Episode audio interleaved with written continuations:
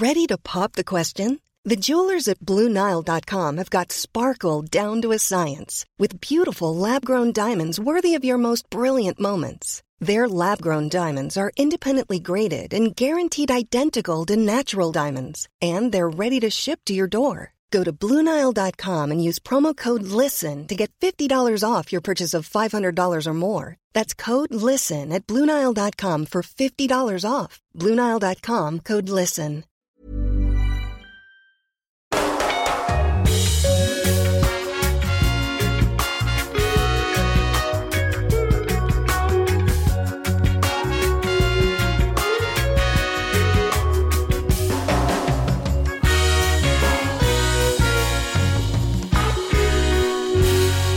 Damallsvenska podden, det är måndag och ja det är ju nästan alltid när vi spelar in den här podden. Makoto Asar heter jag, sitter här i ensam i studion i Stockholm och det är ju för att allt händer på annan ort i Göteborg. Anna Rydén till att börja med, du sitter där i, i Göteborg nu på plats på landslagssamlingen.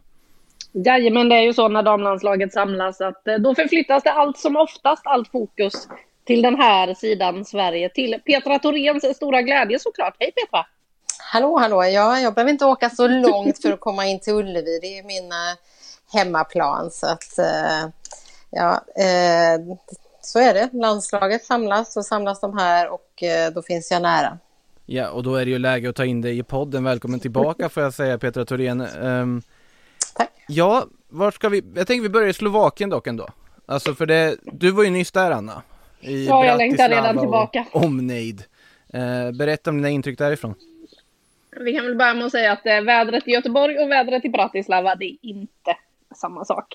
Eh, det var otroligt skönt att vara i Bratislava. Det var ju liksom sommar där fortfarande. Oh. Men eh, om vi ska hålla oss till det fotbollsmässiga, vilket som är det som är mest intressant i den här podden, så var det ju ändå en besvikelse att det bara blev 1-0. Det måste man ju säga. Man hade ju hoppats på få se mer av det här landslaget som klev ut efter i första landskampen efter OS-finalen. Man märkte liksom hela veckan när det byggde upp till matchen att det var så himla avslappnat och härligt. Alla var otroligt glada och tyckte att det var så kul att vara tillbaka och det gick liksom att ta på den här härliga stämningen som var inför. Så att man kände ju att det här borde bara kunna explodera ute på planen och det började ju väldigt bra. Det började väldigt fint när Sverige faktiskt fick till sitt anfallsspel, kom till hur mycket chanser som helst. Angeldal hade ju någon där precis typ 40 sekunder innan man kände att okej, okay, nu smäller det. Och så gjorde det inte det riktigt. Men ja, efter det där 1-0 målet så åt ju sig Slovakien in i matchen och Sverige kom aldrig riktigt tillbaka. Men är det inte också på något sätt prioritet här, studsa tillbaka från OS-besvikelsen, ta tre poäng, lite på rutin, att det viktigaste nästan är att bara få med sig de poängen snarare än hur det såg ut? Det är klart att poängen är viktigast i det här läget. Man ska ju bara ha sina tre poäng, så är det ju. Men man märkte ju på både spelare och ledare efter att ja, de var ganska kritiska till sin egen insats. Så att det inte såg bättre ut än vad det gjorde. Så att nu hoppas de nog verkligen att de lyckas ta sig i kragen inför matchen.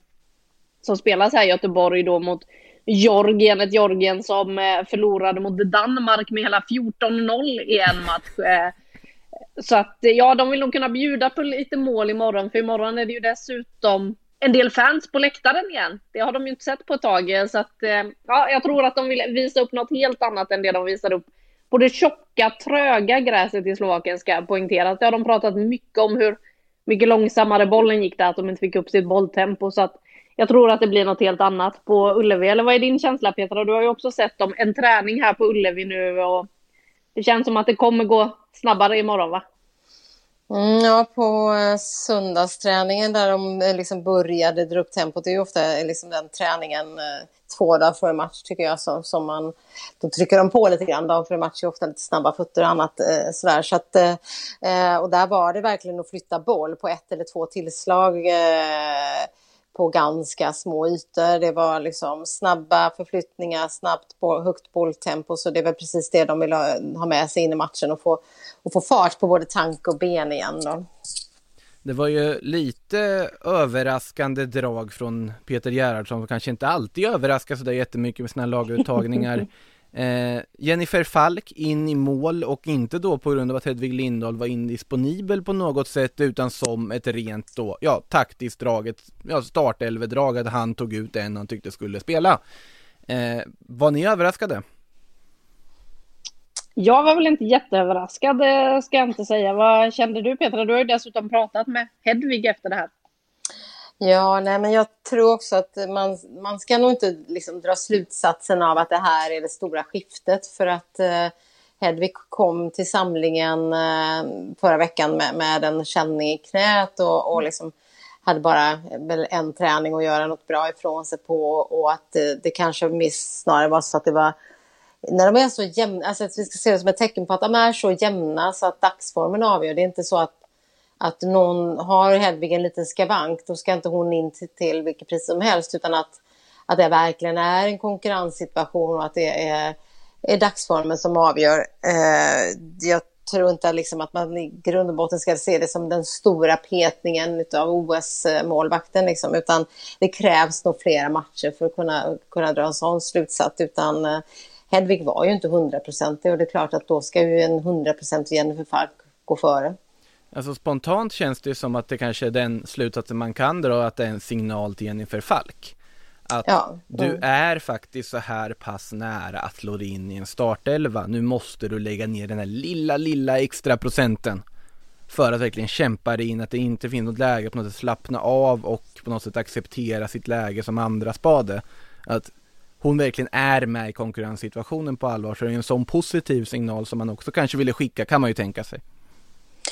Det tror jag verkligen det ligger, ligger mycket i det. Plus att vi ska ju komma ihåg att Hedvig Lindahl var ju liksom, slog ju mer eller mindre fast efter OS-silvret att, att det var hennes sista mästerskap och att mm. man hade ju känslan av att hon hade gjort sitt i landslaget och sen så har hon pratat med Gerhardsson och eh, bestämt sig för att fortsätta men och verkligen liksom att det är landskamp för landskamp och det är kanske också en, en signal till Hedvig att bara för att du liksom nu väljer att fortsätta så är det inte heller liksom givet att du får spela utan liksom måste hela tiden leverera upp på tå på varenda samling och att jag, han verkligen kommer ta liksom, eh, match för match när det gäller uttagningen.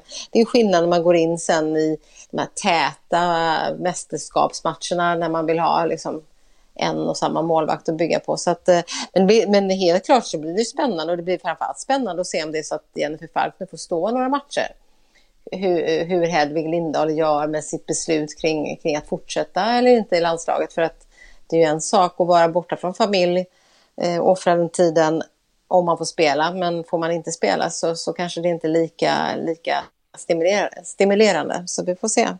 Den här Emil Kraft-behandlingen som han fick i herrarnas senaste landslagssamling när,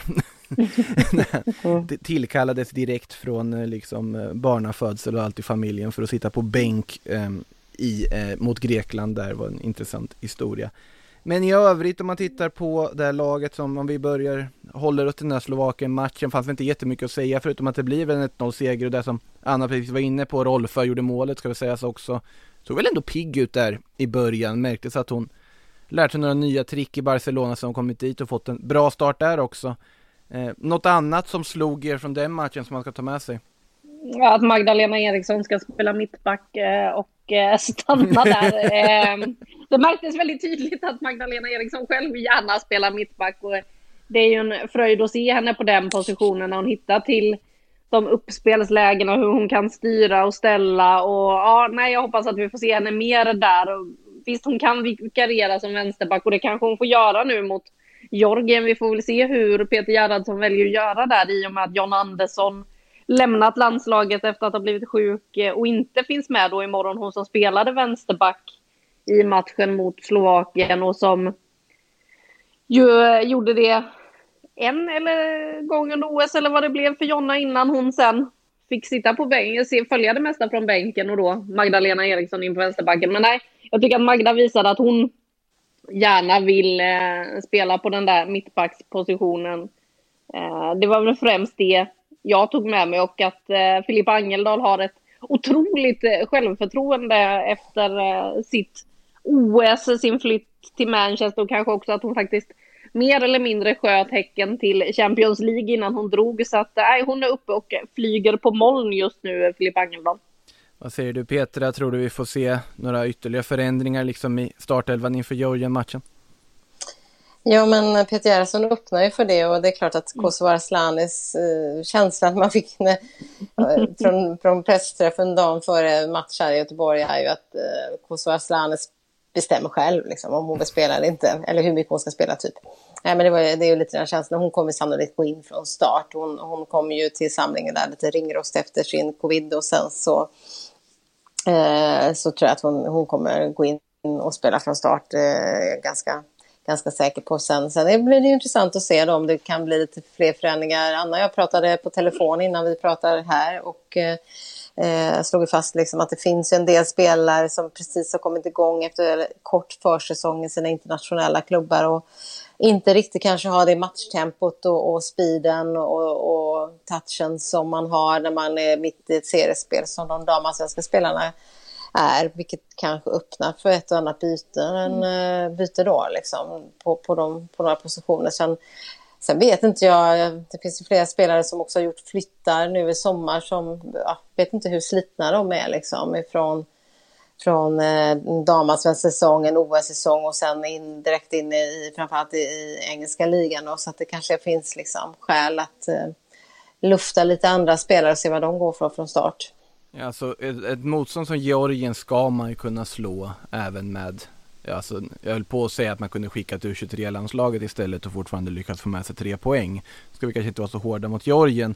Eh, och underskattning får ju inte någon plats för. Men det är ju ändå ett läge att liksom testa lite. Sätt in Filippa Kurmark på det där innermittfältet och se hur det fungerar. Låt Elin Rubensson få sin landslagscomeback även på planen. Det är ju så man känner spontant. Men sen får man väl se vad, vad Gerhard som prioriterar i det här läget. Om det är att bygga vidare på liksom den startelva som man uppenbarligen ändå har förlitat sig på ganska mycket. Även också under OS med den liksom centrallinjen med Seger, Angeldal och så vidare. Eller om man vågar ändra ganska rejält. Um, det blir väldigt spännande att se om inte annat. Alltså det han har varit inne på är ju att eh, för det första så vill han eh, absolut inte säga att han testar någonting inför ett mästerskap. Alla matcher ska vinnas. Det var han väldigt tydlig med. att den här truppen, liksom, han fick en fråga i eh, Slovakien där om det finns möjlighet att liksom laborera lite, se vad som funkar och inte in mot ett EM som kommer till sommaren som ju är nästa mästerskap för landslaget. Men det sa han eh, absolut inte. Vi ska vinna alla matcher. Vi har tagit ut den här truppen för att vi tror att den passar bäst för att kunna vinna matcherna mot Georgien och Slovakien.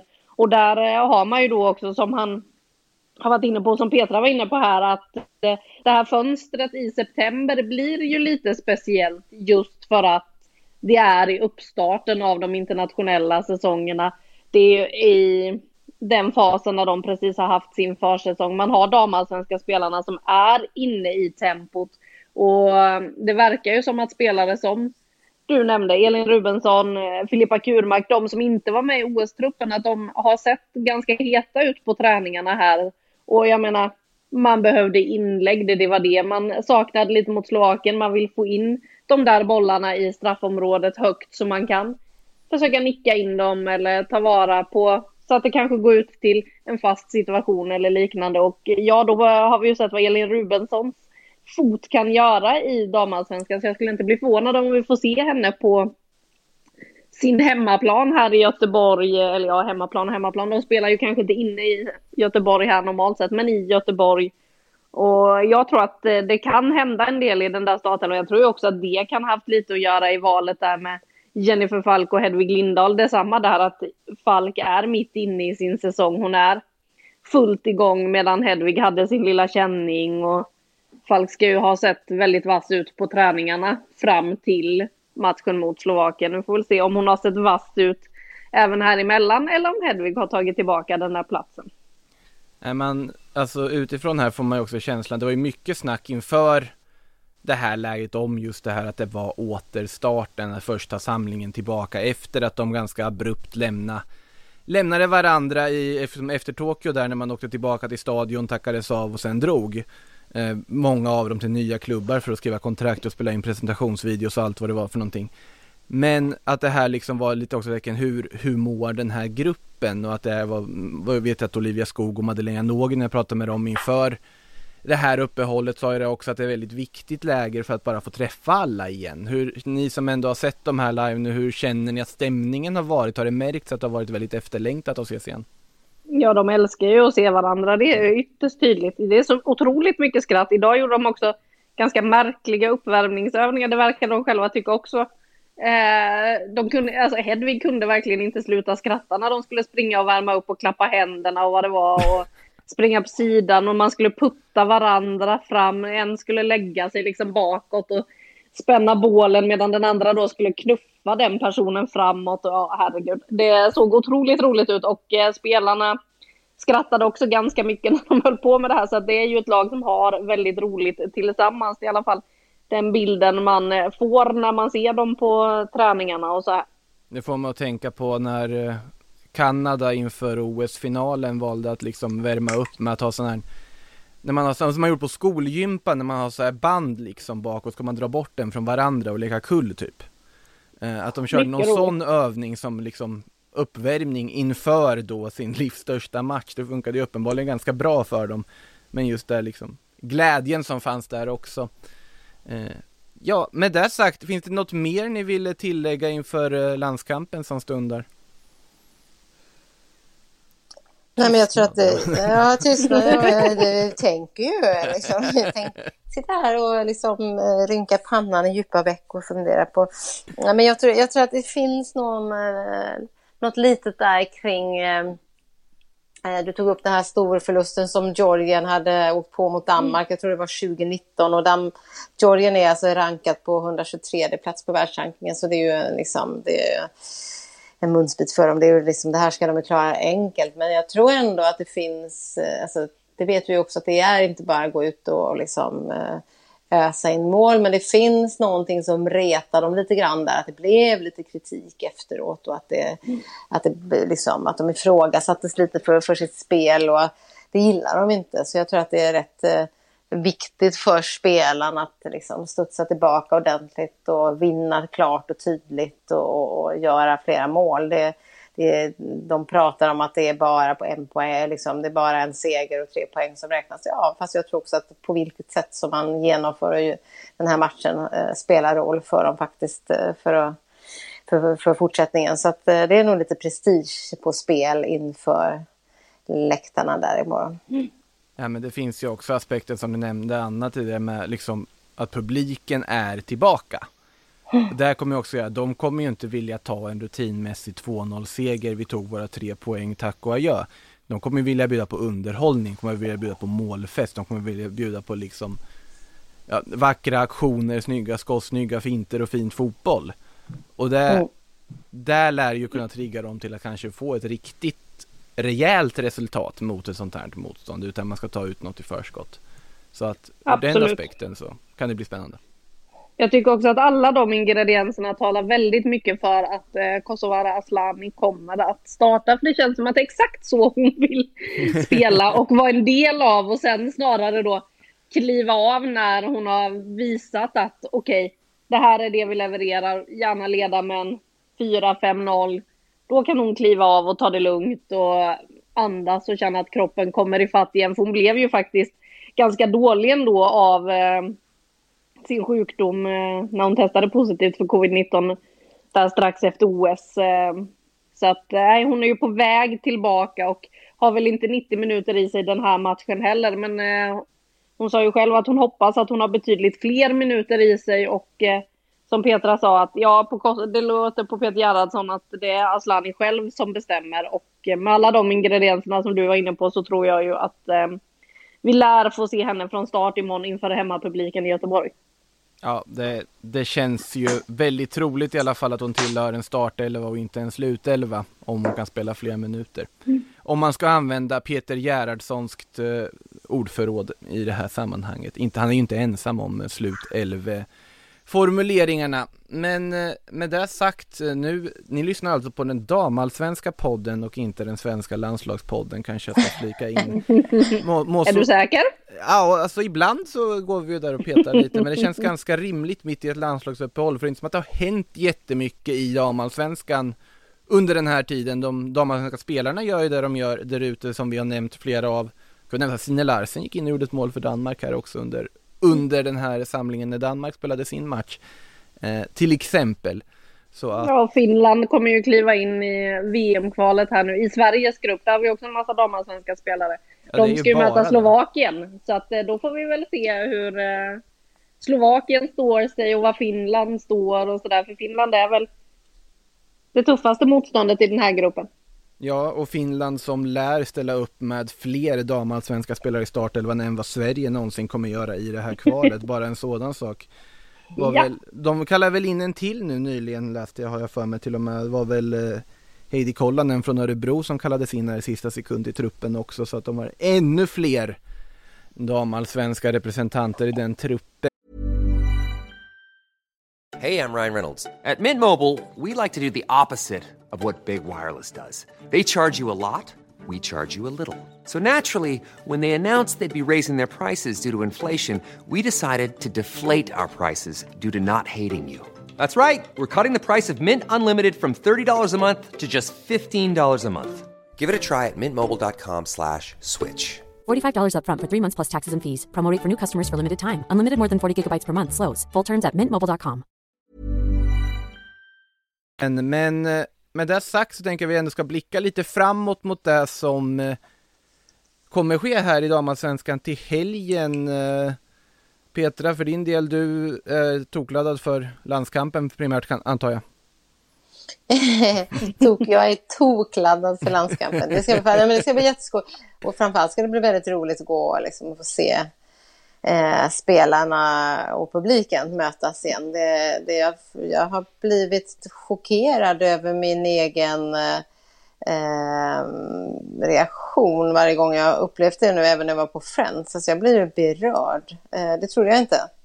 Och, känner, och även när jag varit på andra matcher så har jag känt det när jag var nere i Malmö. Kände att det här känns i hjärtat. Så, att, eh, så att det, blir, det blir härligt. Eh, sen har inte vi så mycket, har inte jag så mycket damallsvenska matcher att gå på den här omgången här nere. Nej. Jag trodde ju att du skulle säga att du, du så, såg fram så mycket mot att gå på fotboll med mig Petra. Ja, men det var det, det som värmde. Ja, ja, ja, ja. Förlåt, ja det gör jag jättemycket Anna.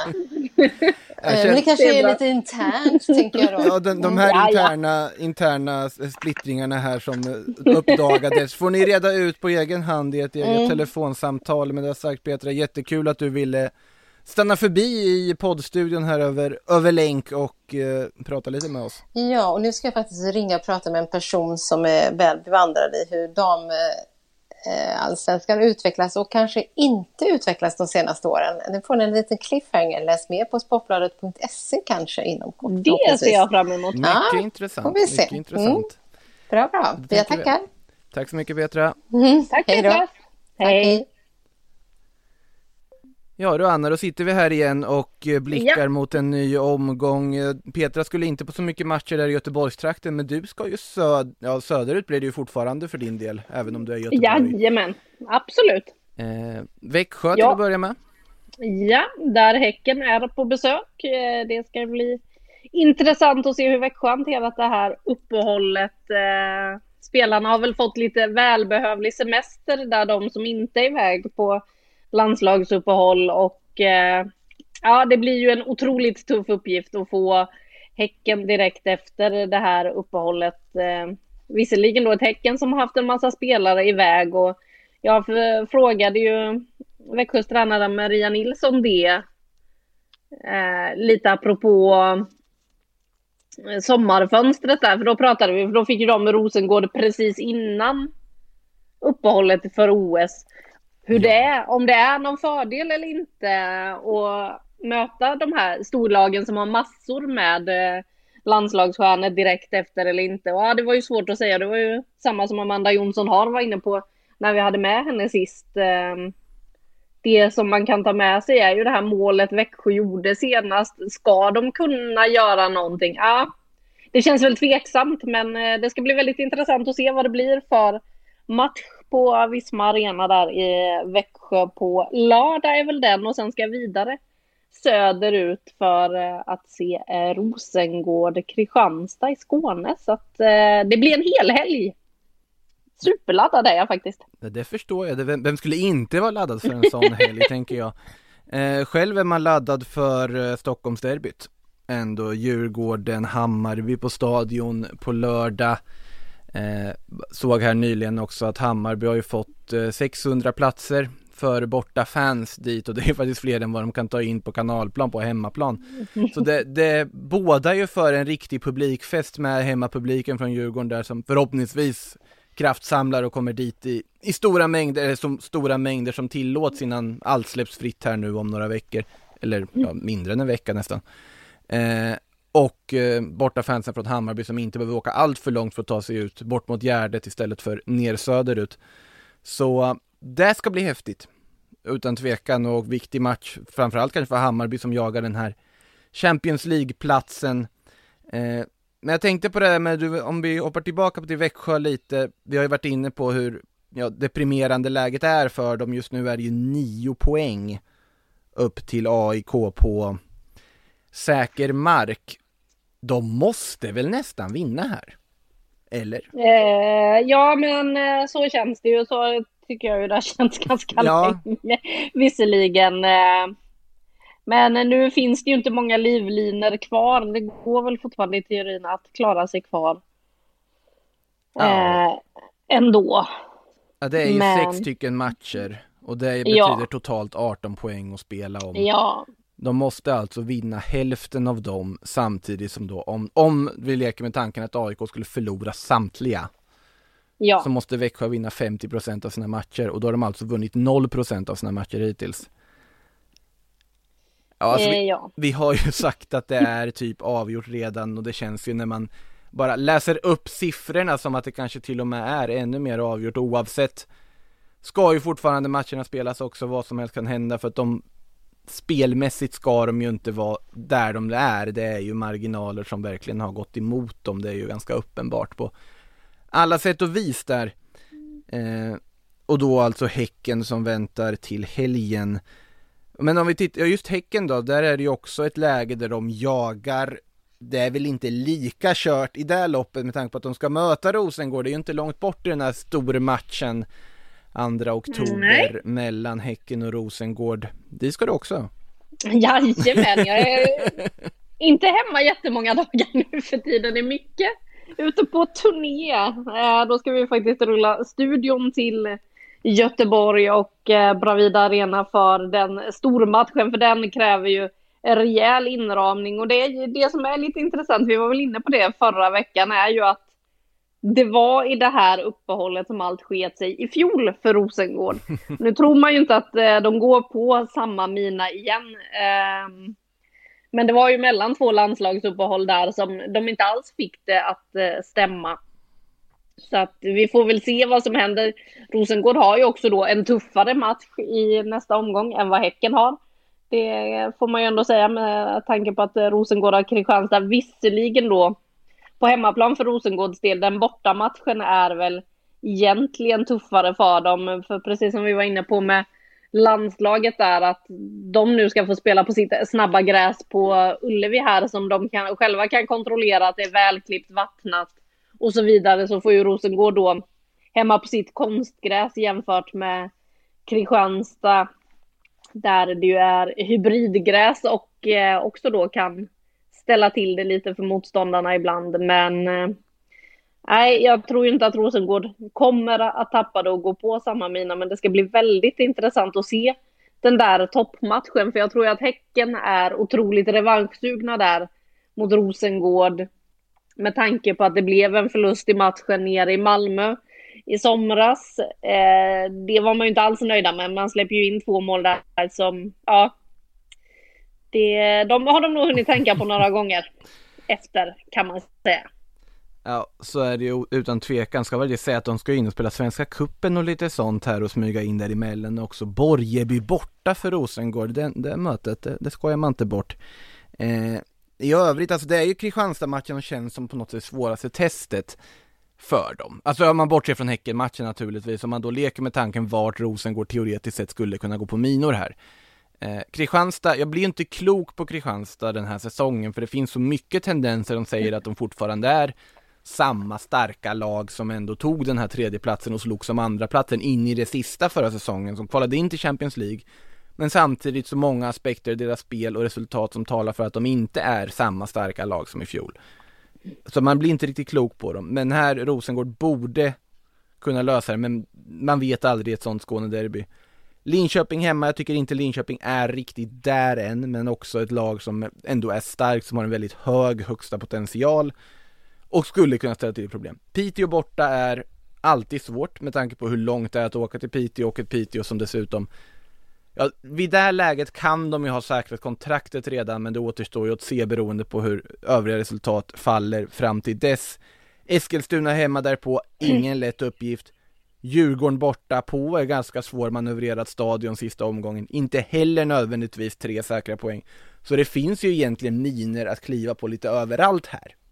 Det är klart det gör och eh, just Piteå, där vet man ju heller aldrig riktigt hur vädret är. Vi minns ju snöbollsmatchen från i fjol där man inte ens såg linjerna efter ett tag. Det var ju totalkaos eh, uppe i norr så att eh, där kan det hända lite vad som helst. Så att eh, nej, avgjort borde det inte vara än, men eh, det är klart att eh, Rosengård eh, säkert kan fila lite på de där firarplanerna som Häcken vill sätta stopp för. För övrigt... Häcken ska ju dessutom in mm. här med en jäkla massa Champions League-matcher mitt Ja just det, den lilla detaljen också ja det kommer liksom ett Lyon hit och ja, så ska man åka till München en sväng och ja, ja man har att göra i Häcken. De, de har det som dig Anna, jag är knappt aldrig ja. hemma och åker runt och och spelar matcher och håller på. Eh, men eh, ja, precis, det där Champions League-spelet ska också bli intressant att se hur Häcken tacklar den liksom dubbla uppgiften. Det är ju någonting som vi alla vet hur svårt att hantera. Jag tänkte bara flika in där att när Rosengård mötte Piteå senast hade de ju lite problem ett, alltså på hemmaplan då, 1-0 och det är faktiskt lite intressant nog faktiskt eh, Piteå-målvakten Guro Pettersens höjdpunkt från den här säsongen. Ja, inte frisparksmålet.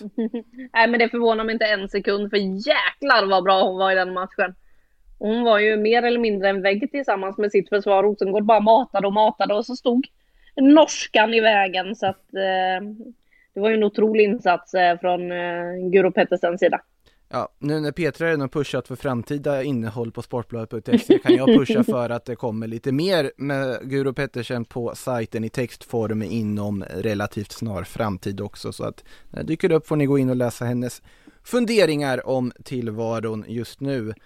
Jag kan ju också bara passa på då och säga att eh, när vi ändå håller på med sånt här, vi eh, kommer ju ha, ja men alla våra lyssnare här som är med och lyssnar på den här podden kommer ju att vilja se den damallsvenska galan, damallsvenskans bästa som kommer tillbaka i år.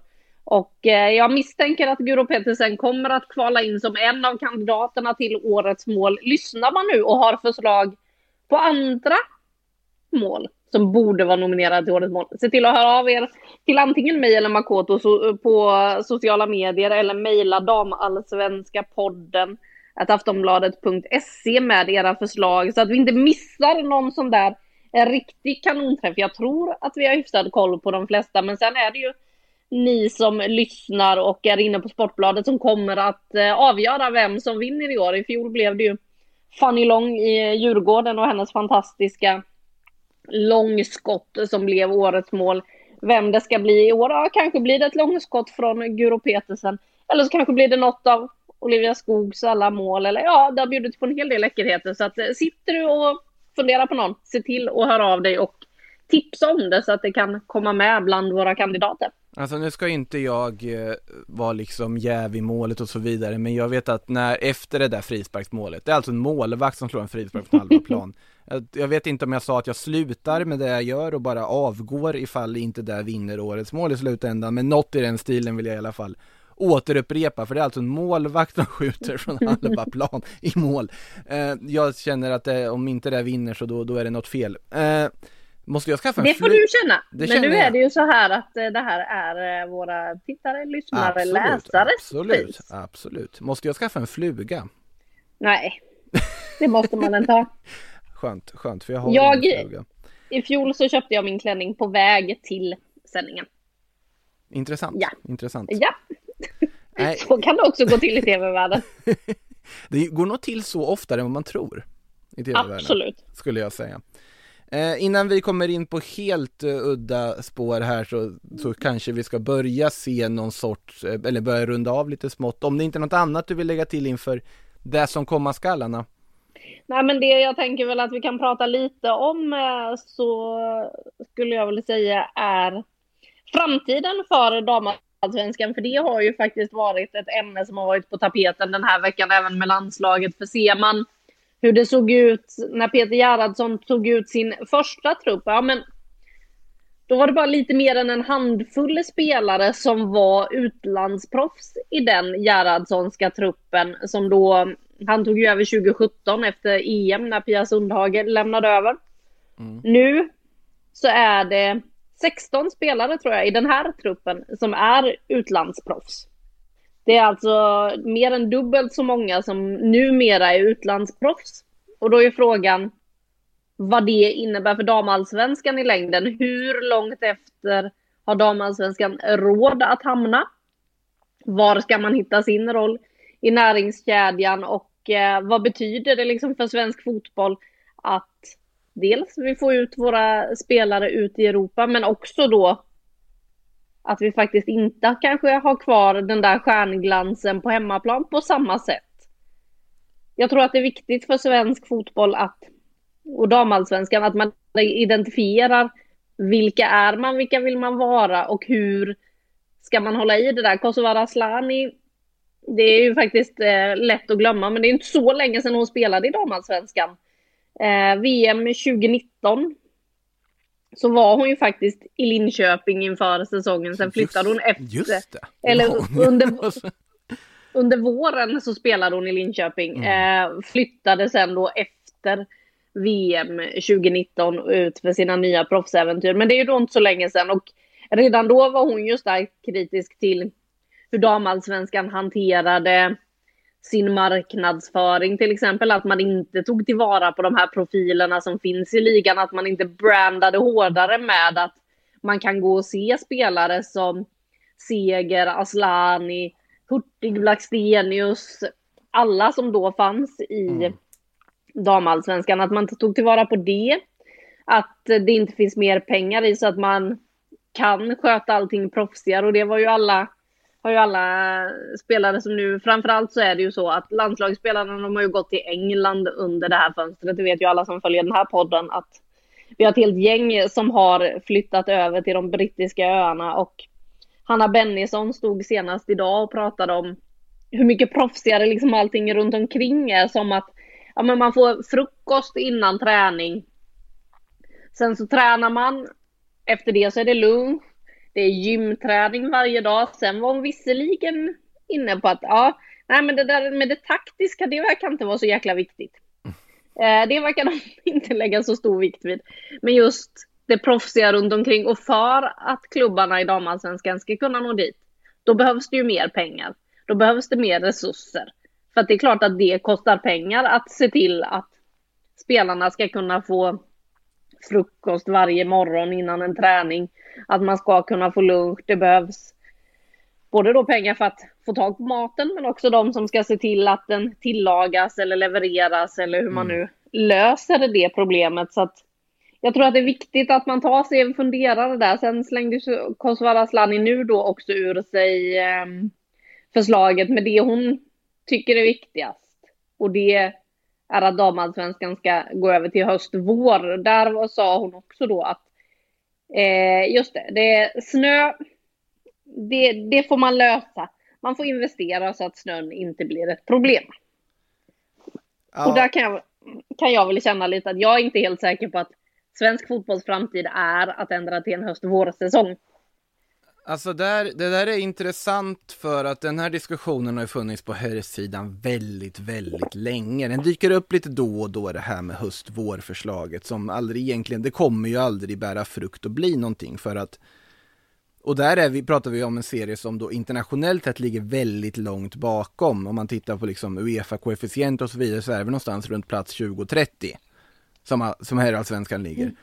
Däremot på damsidan, då är ju Sverige fortfarande idag femte högst rankade. Det är därför man får in BK Häcken där man får in dem i ett så pass gynnsamt läge i kvalet. Det är därför även tvåor, och treor i serien får liksom kvala till Champions League. Nu när det har blivit ett gruppspelsystem som man har. Men den koefficienten är ju ganska viktigt vad Häcken hittar på i det här gruppspelet för att man ska hålla det avståndet. För att den poängen avgörs på de fem senaste säsongerna nu för tiden. Mm. Hur bra har det gått från svenska lagen där? Om man tittar då på de siffrorna, hur det ser ut nu. Sverige ligger alltså femma inför den här säsongen. Även då man räknar in den här säsongen just nu och de poängen som finns så ligger Sverige femma. Men Danmark har samlat in fler poäng hittills. Till nästa säsong så kommer då säsongen 17-18 att försvinna ur systemet om man tittar då ännu ett år framåt. Sverige samlade in 10 000 koefficientpoäng då. Danmark samlade in 4, det vill säga kommer Danmark ta in 6 000 poäng. Och 6 000 poäng det innebär att de just nu då skulle gå om Sverige. Förutsatt att Sverige då inte ser till att göra betydligt mycket bättre resultat, att då med andra ord att Häcken gör det bättre ifrån sig i Champions League än vad Köge gör det. För annars så kan Danmark kliva om och då plötsligt så blir det ett annat läge för spelare från utlandet och så vidare. Okej, ja men danska ligan kanske lockar mer då, den är ju liksom högre rankad. Nu kanske det inte är exakt bara man tittar på Uefa-rankingen och väljer klubb utifrån det. Men samtidigt att det är ändå en signal, hur mycket lag får du in i vilket stadie till ett Champions League-kval, så att om CL kommer liksom utökas. Och det här är det intressant om man då backar bandet, för att förstå vart Sverige faktiskt en gång i tiden var. När då man började räkna för första gången i början av precis efter millennieskiftet så var det första rankingen kom, som går att hitta på Uefa och kom säsongen 2003-2004. Då var Sverige världens, eller Europas bästa fotbollsliga. Enligt rankingen. Det tog ett år så gick Tyskland om, man låg två efter Tyskland ganska många år och sen så dök ju det franska liksom fotbollsundret upp där runt 2010 när Lyon på allvar började satsa och så vidare och PSG hängde på så gick ju de ganska snabbt om även, gick om Tyskland då. Sen England på det och det är inte många år sedan vi pratade att England gick om Sverige. Sverige låg trea ganska många år fram till typ, ja vad blir det 2018, 2017, 2018 där. Och sen har ju Spanien också smugit förbi. Men det gäller ju att det här tappet inte blir större. Att man ändå fortsätter få med klubbar som Häcken nu i gruppspel som gör resultat så att man håller de här koefficientpoängen så man inte släpper förbi sig länder som Tjeckien, Danmark, Italien och så vidare framöver. Och det är ju en utmaning och då gäller det verkligen att de klubbar som är ute i Europa får bästa möjliga förutsättningar för att också lyckas där. Men det sagt, ska man inte ändra till höst-vår på grund av det. För att där finns det helt andra parametrar som spelar in och det är så, det går inte att spela fotboll i vinter. Ingen vill spela fotboll i vintern här. Och det kan bli lidande på ett annat vis. Ja, det är kallt ja, nu. Det är liksom kallt och visst, kallt och jobbigt att spela. Publiken, äh, det blir ingen härlig upplevelse för dem heller om man då vill börja försöka locka än mer publik till de allsvenska mm. arenorna, vilket jag tror är ett måste. Man måste börja se hur man ska få dit publiken. Att man ska få den här tillströmningen ja. som man hoppas på efter varje mästerskap. Att okej, okay, nu har man visat att eh, det levererar så ändå får man inte in folket på arenorna. Det måste man ju lösa. Det kommer man inte lösa med höst vårsäsong. För då fryser man mer eller mindre ihjäl på vissa arenor. Jag har redan packat understället för att jag ska sitta på fotboll i Göteborg imorgon. Eh, så att, eh, eh, och sen en grej där också att väga in. Det är ju det här att precis som vi har pratat om med landslaget och hur tricky det här fönstret lite blir för landslaget så är det ju så att de damallsvenska lagen är i full matchning när kvalet är. När det är möjlighet att ta sig in i gruppspelet till skillnad från en del av deras motståndare. Så att jag tror snarare att det är bra för svensk del. Sen visst, det kommer vara kallt och jävligt att spela decembermatcherna i gruppspelet. Så är det ju.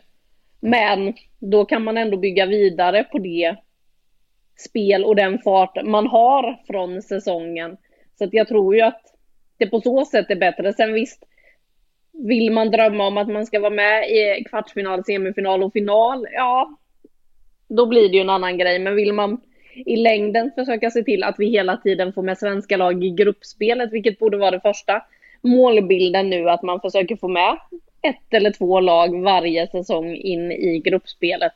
Då tror jag ju att det är bättre att man faktiskt eh, har kvar säsongen så som den är just. För då är man i fas när kvalet börjar och de första matcherna i gruppspelet. Sen måste man ju se till att lösa den här problematiken som nu då ja. Häcken hamnat i med kontrakten som går ut mitt ja. i. Nej, det, så kan det inte vara. Nej, det måste det är ju liksom, jag håller med dig om att det känns inte liksom, det känns lite väl reaktionärt att plötsligt gå över till höst, vår i det här läget, sett till klimatet faktiskt. Men du måste börja skriva kontrakt i decembers slut och inte novembers slut för att bara spara en månadslön. Det måste sluta göras. Du måste skriva året ut så att du täcker för eventuellt Europaspel. Det håller inte annars.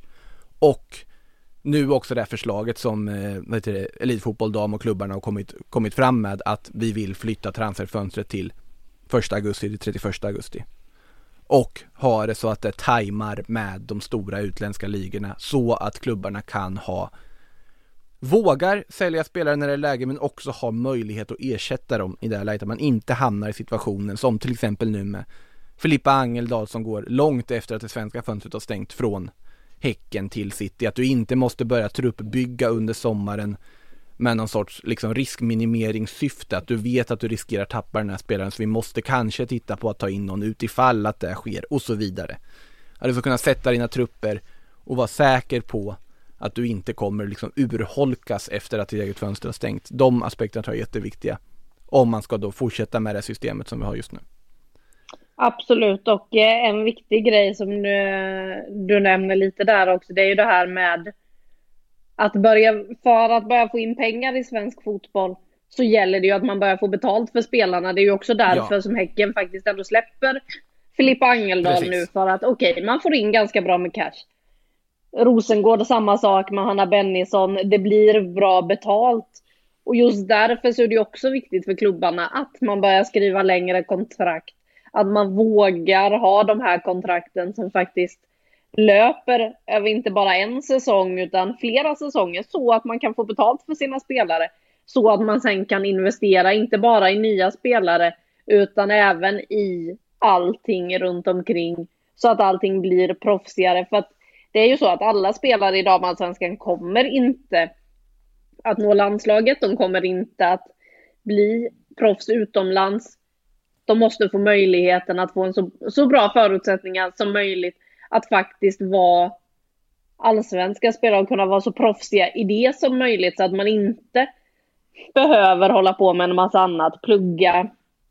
Eh, det är ju visserligen bra att man gör, absolut, men man ska inte behöva hålla på med halvtidsjobb etc.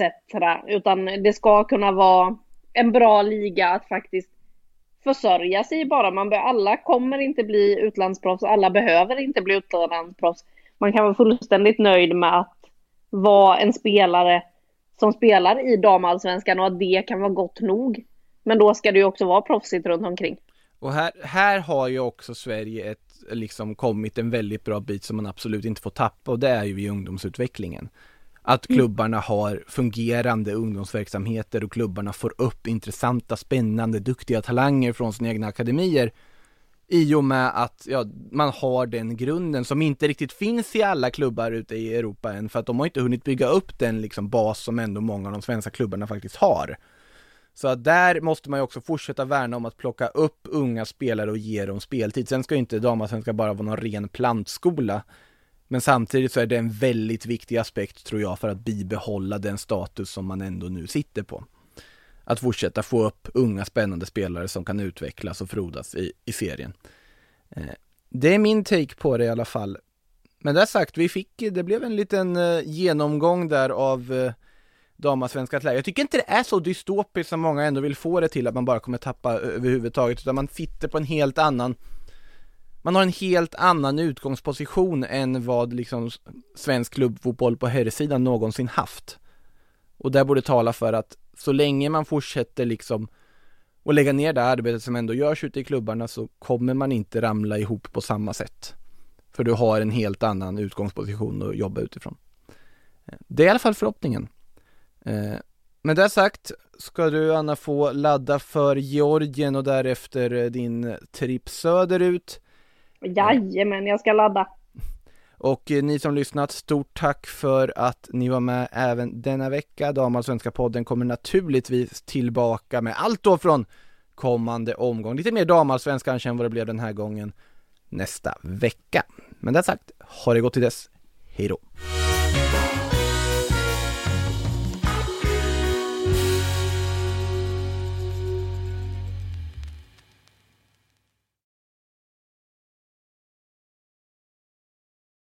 Du har lyssnat på en podcast från Aftonbladet.